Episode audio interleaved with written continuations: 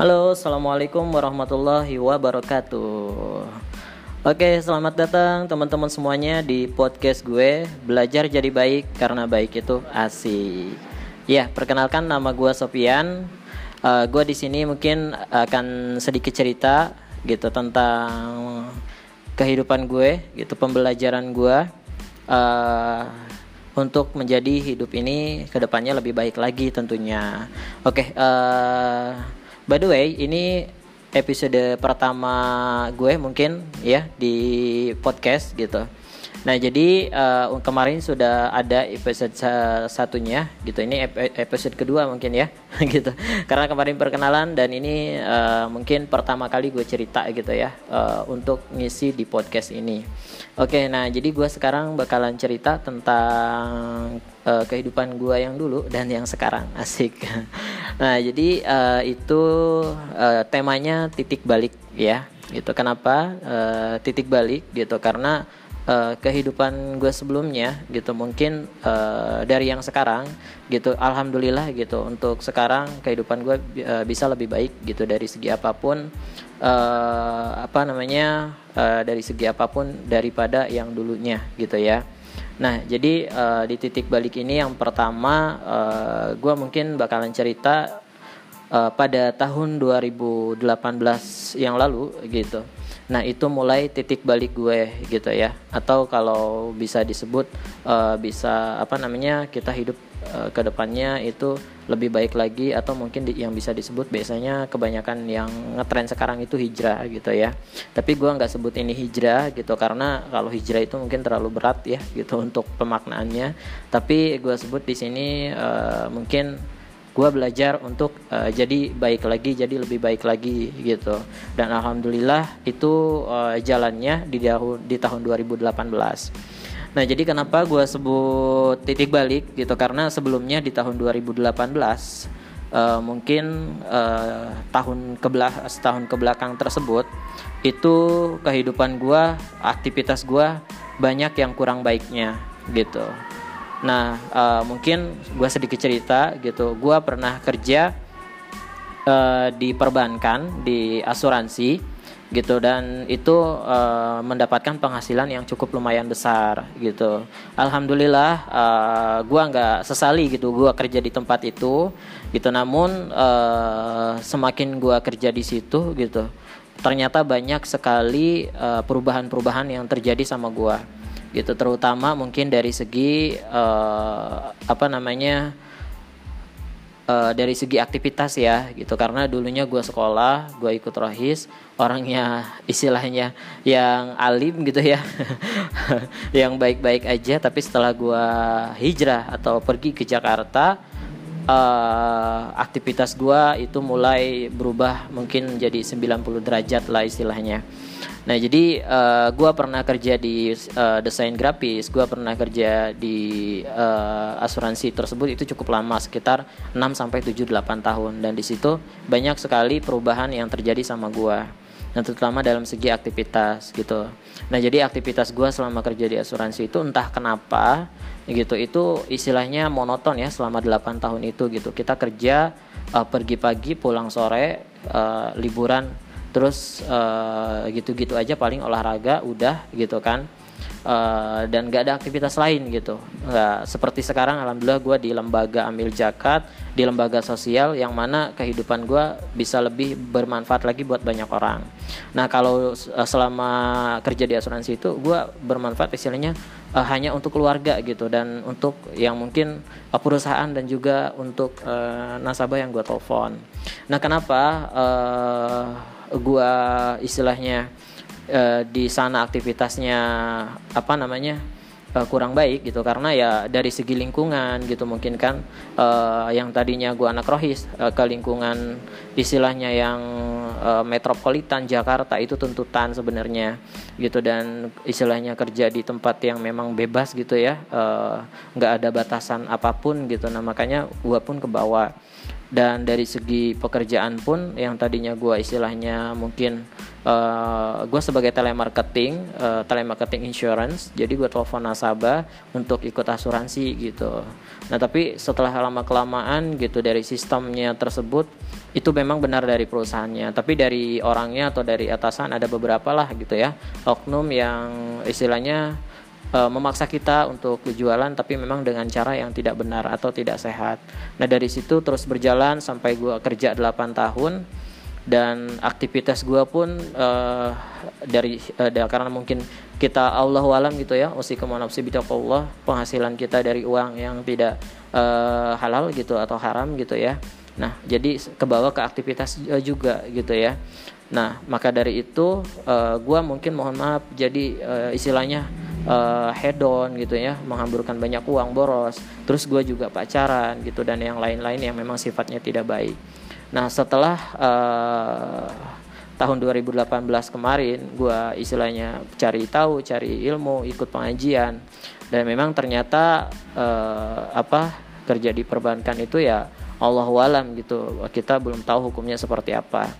Nah akhirnya gue memutuskan untuk resign gitu dari pekerjaan tersebut uh, karena memang dari keyakinan gue sendiri gitu kan.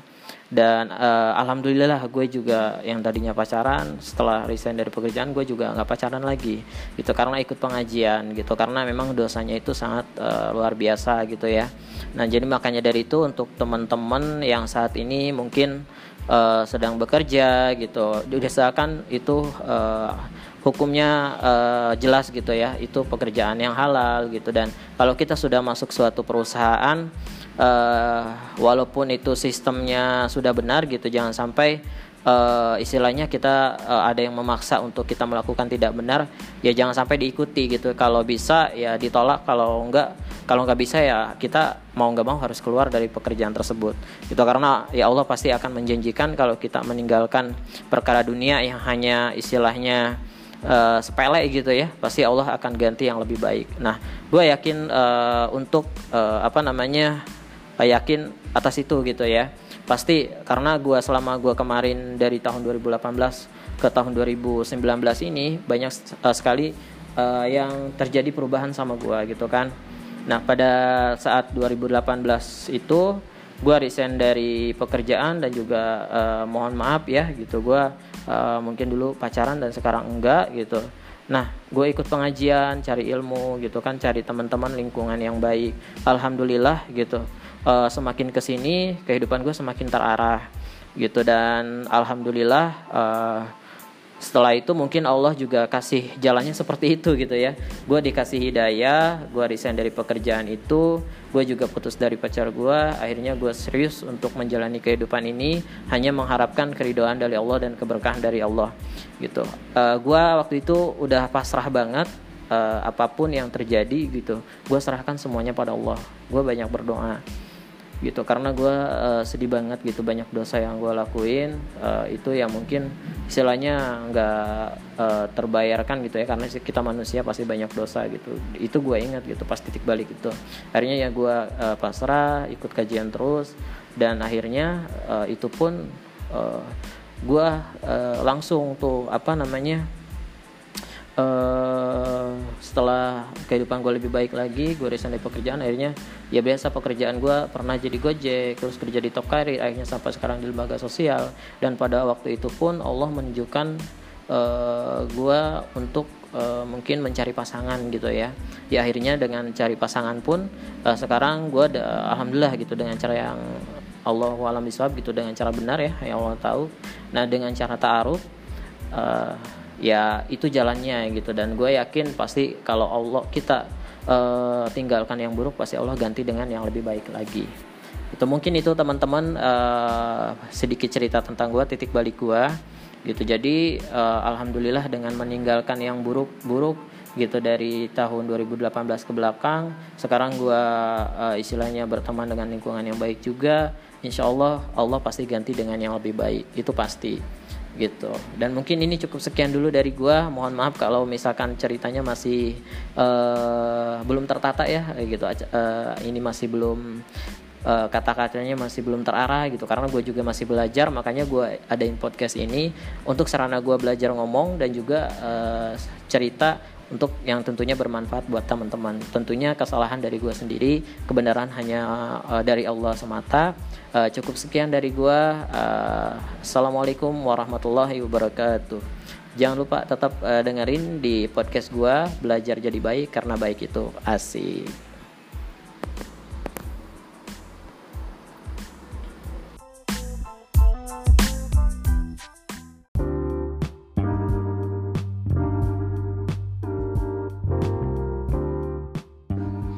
Assalamualaikum warahmatullahi wabarakatuh Ketemu lagi di podcast gua Sopian. Uh, Belajar jadi baik karena baik itu asik. Oke apa kabar teman-teman semuanya? Mudah-mudahan selalu baik, selalu sehat gitu. Dan terima kasih yang udah support untuk podcast uh, gue ini gitu. Bismillahirrahmanirrahim. Rabbi srahli sadri wa yasirli amri. Waluluk data minasyan ya kau kauli Rabbi zidni iman warzuqni fahman amin ya rabbal alamin Oke jadi sebelumnya uh, kita lanjut di episode uh, ip, apa di episode uh, sharing ya. Uh, ini sharing uh, sharing belajar jadi baik fat 2 ya. Karena yang part satunya kan titik balik. Nah ini yang kedua gue akan bahas uh, tentang pengalaman gue waktu dulu meninggalkan riba. Oke. okay.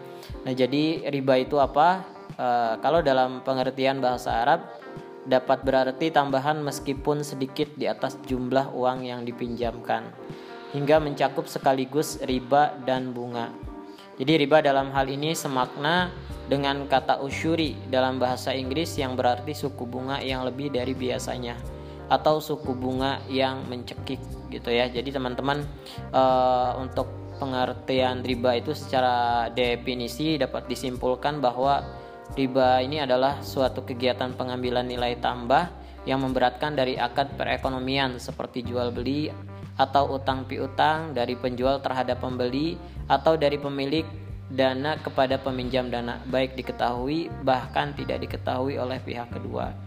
Nah, jadi makanya dari itu eh, riba secara garis besar ya itu dapat dikelompokkan menjadi dua yaitu riba yang berkaitan dengan utang piutang dan riba yang berhubungan dengan jual beli. Nah, jadi eh, mengetahui macam-macam riba dan pengertiannya Nah, jadi kita bisa mengetahui mengapa riba tidak diperbolehkan. Oke, gitu. Kenapa tidak diperbolehkan? Itu jadi ada uh, riba itu secara garis besar macam-macamnya uh, riba dibagi menjadi dua, yaitu riba tentang uh, piutang dan riba jual beli. Nah, riba hutang, piutang itu terbagi lagi menjadi riba kod dan riba jahiliyah sedangkan riba jual beli terbagi menjadi riba fadl dan riba nasiah. Jadi riba utang piutang ya. Nah jadi ya, riba hutang piutang terbagi dua macam yaitu riba kad dan riba jahiliyah riba kad ini yaitu suatu manfaat atau tingkat kelebihan tertentu yang diisyaratkan terhadap yang berhutang Sedangkan riba jahiliyah, riba jahiliyah yaitu hutang yang dibayar lebih dari pokoknya karena si peminjam tidak mampu bayar hutangnya pada waktu yang ditetapkan.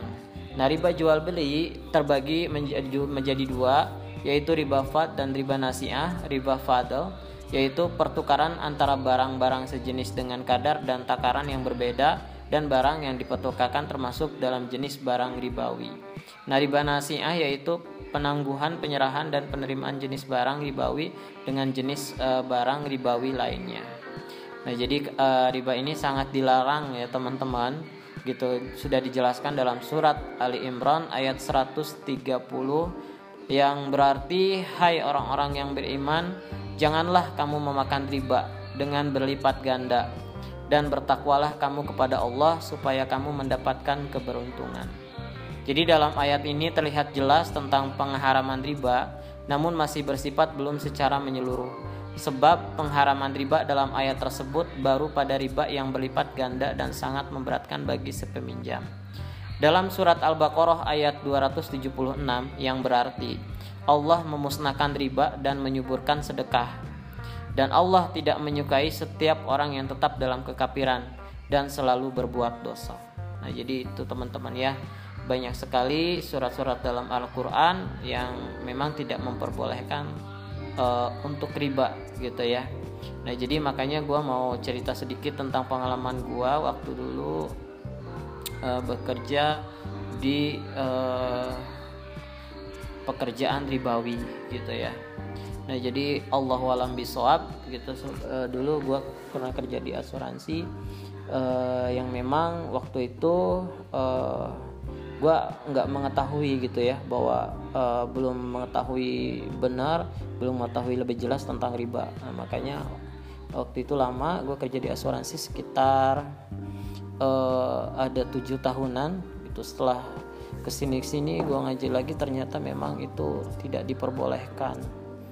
Gitu dan itu terasa kepada uh, uang yang kita dapatkan teman-teman. Jadi gue sedikit cerita aja semoga ini bisa ada hikmahnya buat teman-teman semua.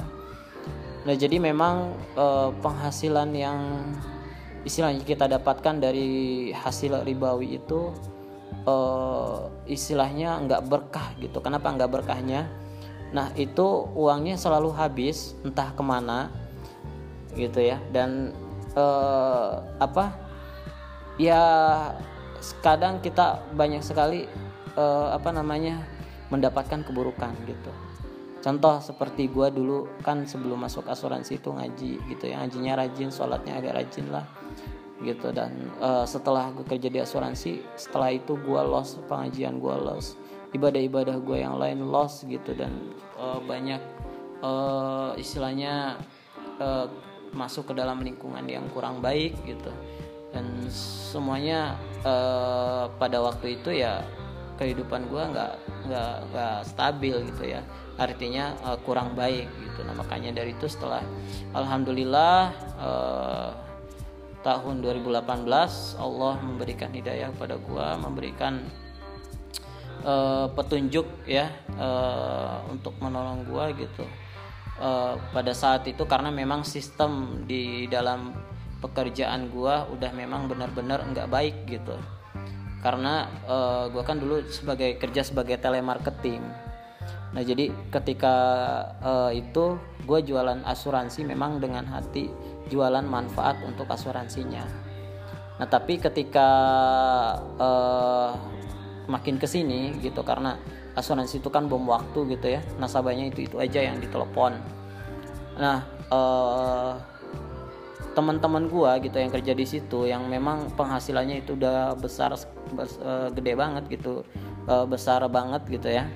Nah itu menghalalkan segala cara untuk mendapatkan uang gitu terutama dengan uh, cara uh, yaitu gitu uh, mohon maaf gitu tanda kutip um, menipu nasabah gitu. Jadi yang seharusnya nasabah bayar lagi sama dia dicepetin pas teleponnya sehingga nominalnya nggak nggak kedengeran uh, kiranya nasabah gratis tapi ternyata itu bayar. Nah dan itu uh, semua senior senior gue melakukan itu gitu. Makanya pas itu ditambah gue udah tahu ilmu ribawi ditambah lagi ya dengan keadaan itu gitu. Jadi makanya mungkin Allah tunjukkan Allah berikan hidayah pada waktu itu.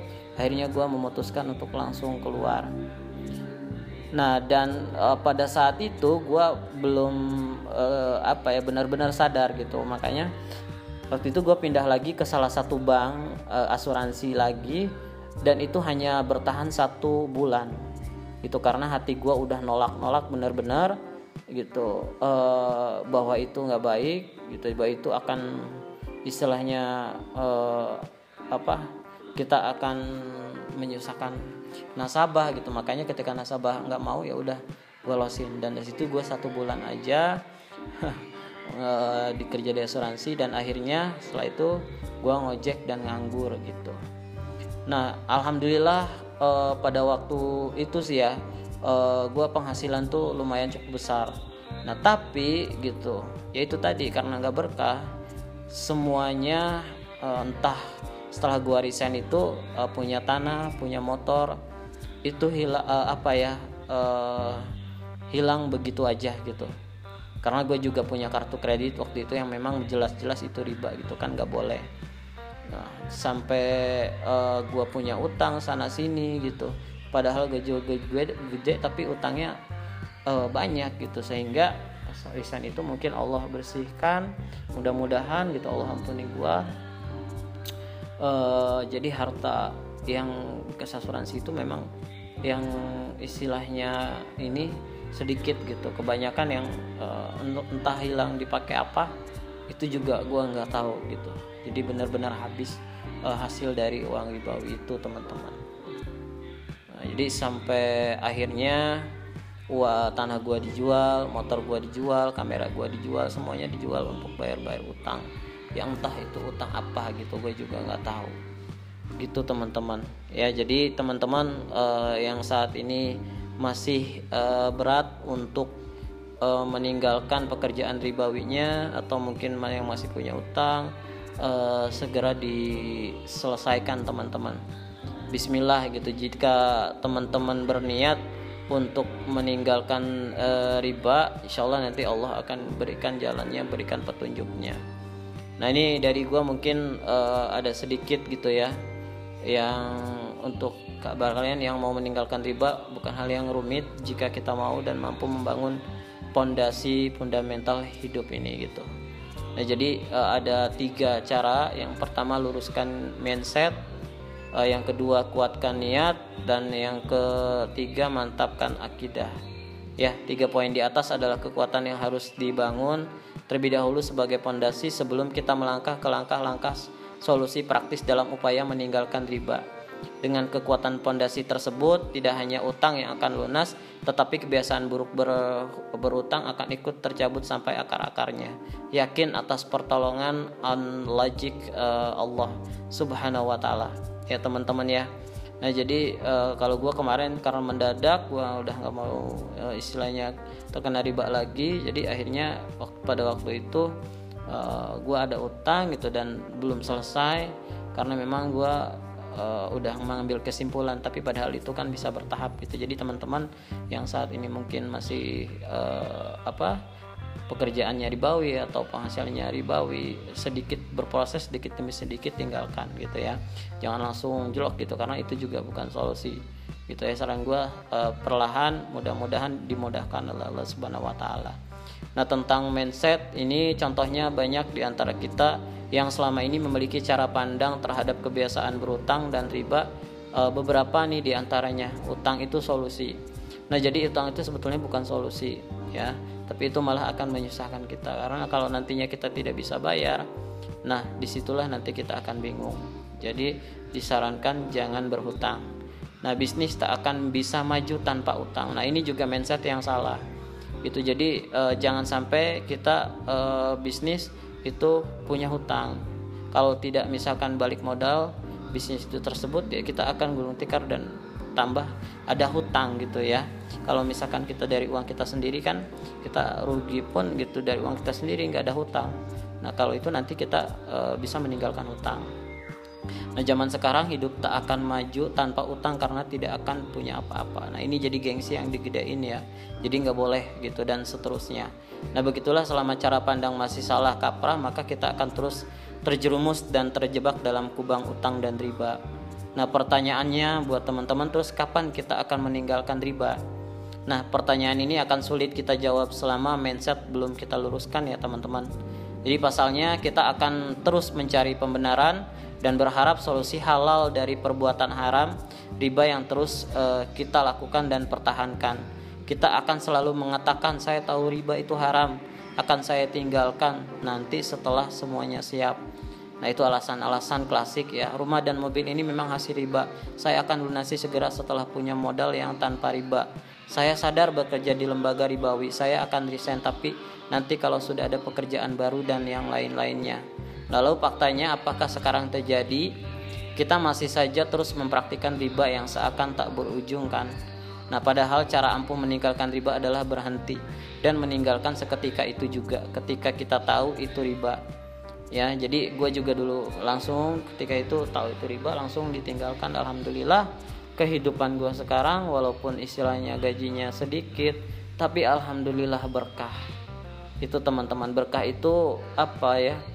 Gitu tidak bisa uh, disamakan dengan kita banyak uang tidak. Gitu ya. Nah keberkahan itu membuat hati kita tenang teman-teman ya gitu. Jadi atau nanti berusaha sekuat mungkin untuk meninggalkannya sampai batas ambang kemampuan kita tanpa menunggu dan mempertanyakan solusi praktisnya. Karena riba itu haram dan hal itu merupakan perintah langsung dari Allah Subhanahu wa taala. No excuse ya teman-teman ya. Nah seperti halnya kisah Siti Hajar ketika ditinggalkan Nabi Ibrahim di tengah gurun gersang bersama Ismaili yang masih bayi. Apakah mereka kemudian mempertanyakan solusinya tidak, bahkan minta disediakan air dan makanan lezat selama di gurun pun tidak mereka lakukan. Hal itu karena mereka patuh terhadap perintah yang turun langsung dari lang, uh, da, langsung dari uh, Allah Subhanahu wa taala. Maka mereka menurut tanpa membantah sama sekali. Sami'na wa. Itu waktu membuktikan Allah menyelamatkan anak beranak itu dan memberikan kelimpahan nikmat yang luar biasa kepada Siti Hajar, Nabi Ismail dan Nabi Ibrahim. Jadi itu teman-teman. Jadi eh, yakin bahwa kita hidup tanpa riba itu akan lebih mudah banyakin sedekah subur eh, mudah-mudahan harta kita berkah ya gitu bukan hanya eh, untuk apa kebutuhan di dunia tapi nanti untuk bekal di akhirat pun kita sudah memiliki. Oke itu saja podcast dari gua. Jadi teman-teman yang masih uh, mungkin saat ini uh, bekerja di, di ribawi atau masih kena utang riba mudah-mudahan cepat selesai diniatkan uh, dan cepat ditinggalkan ya teman-teman ya Oke, terima kasih. Tunggu episode uh, selanjutnya di podcast gue ini. Kurang lebihnya gue mohon maaf. Kebenaran itu hanya milik Allah. Kesalahan uh, kata-kata itu murni dari gue. Terima kasih. Assalamualaikum warahmatullahi wabarakatuh.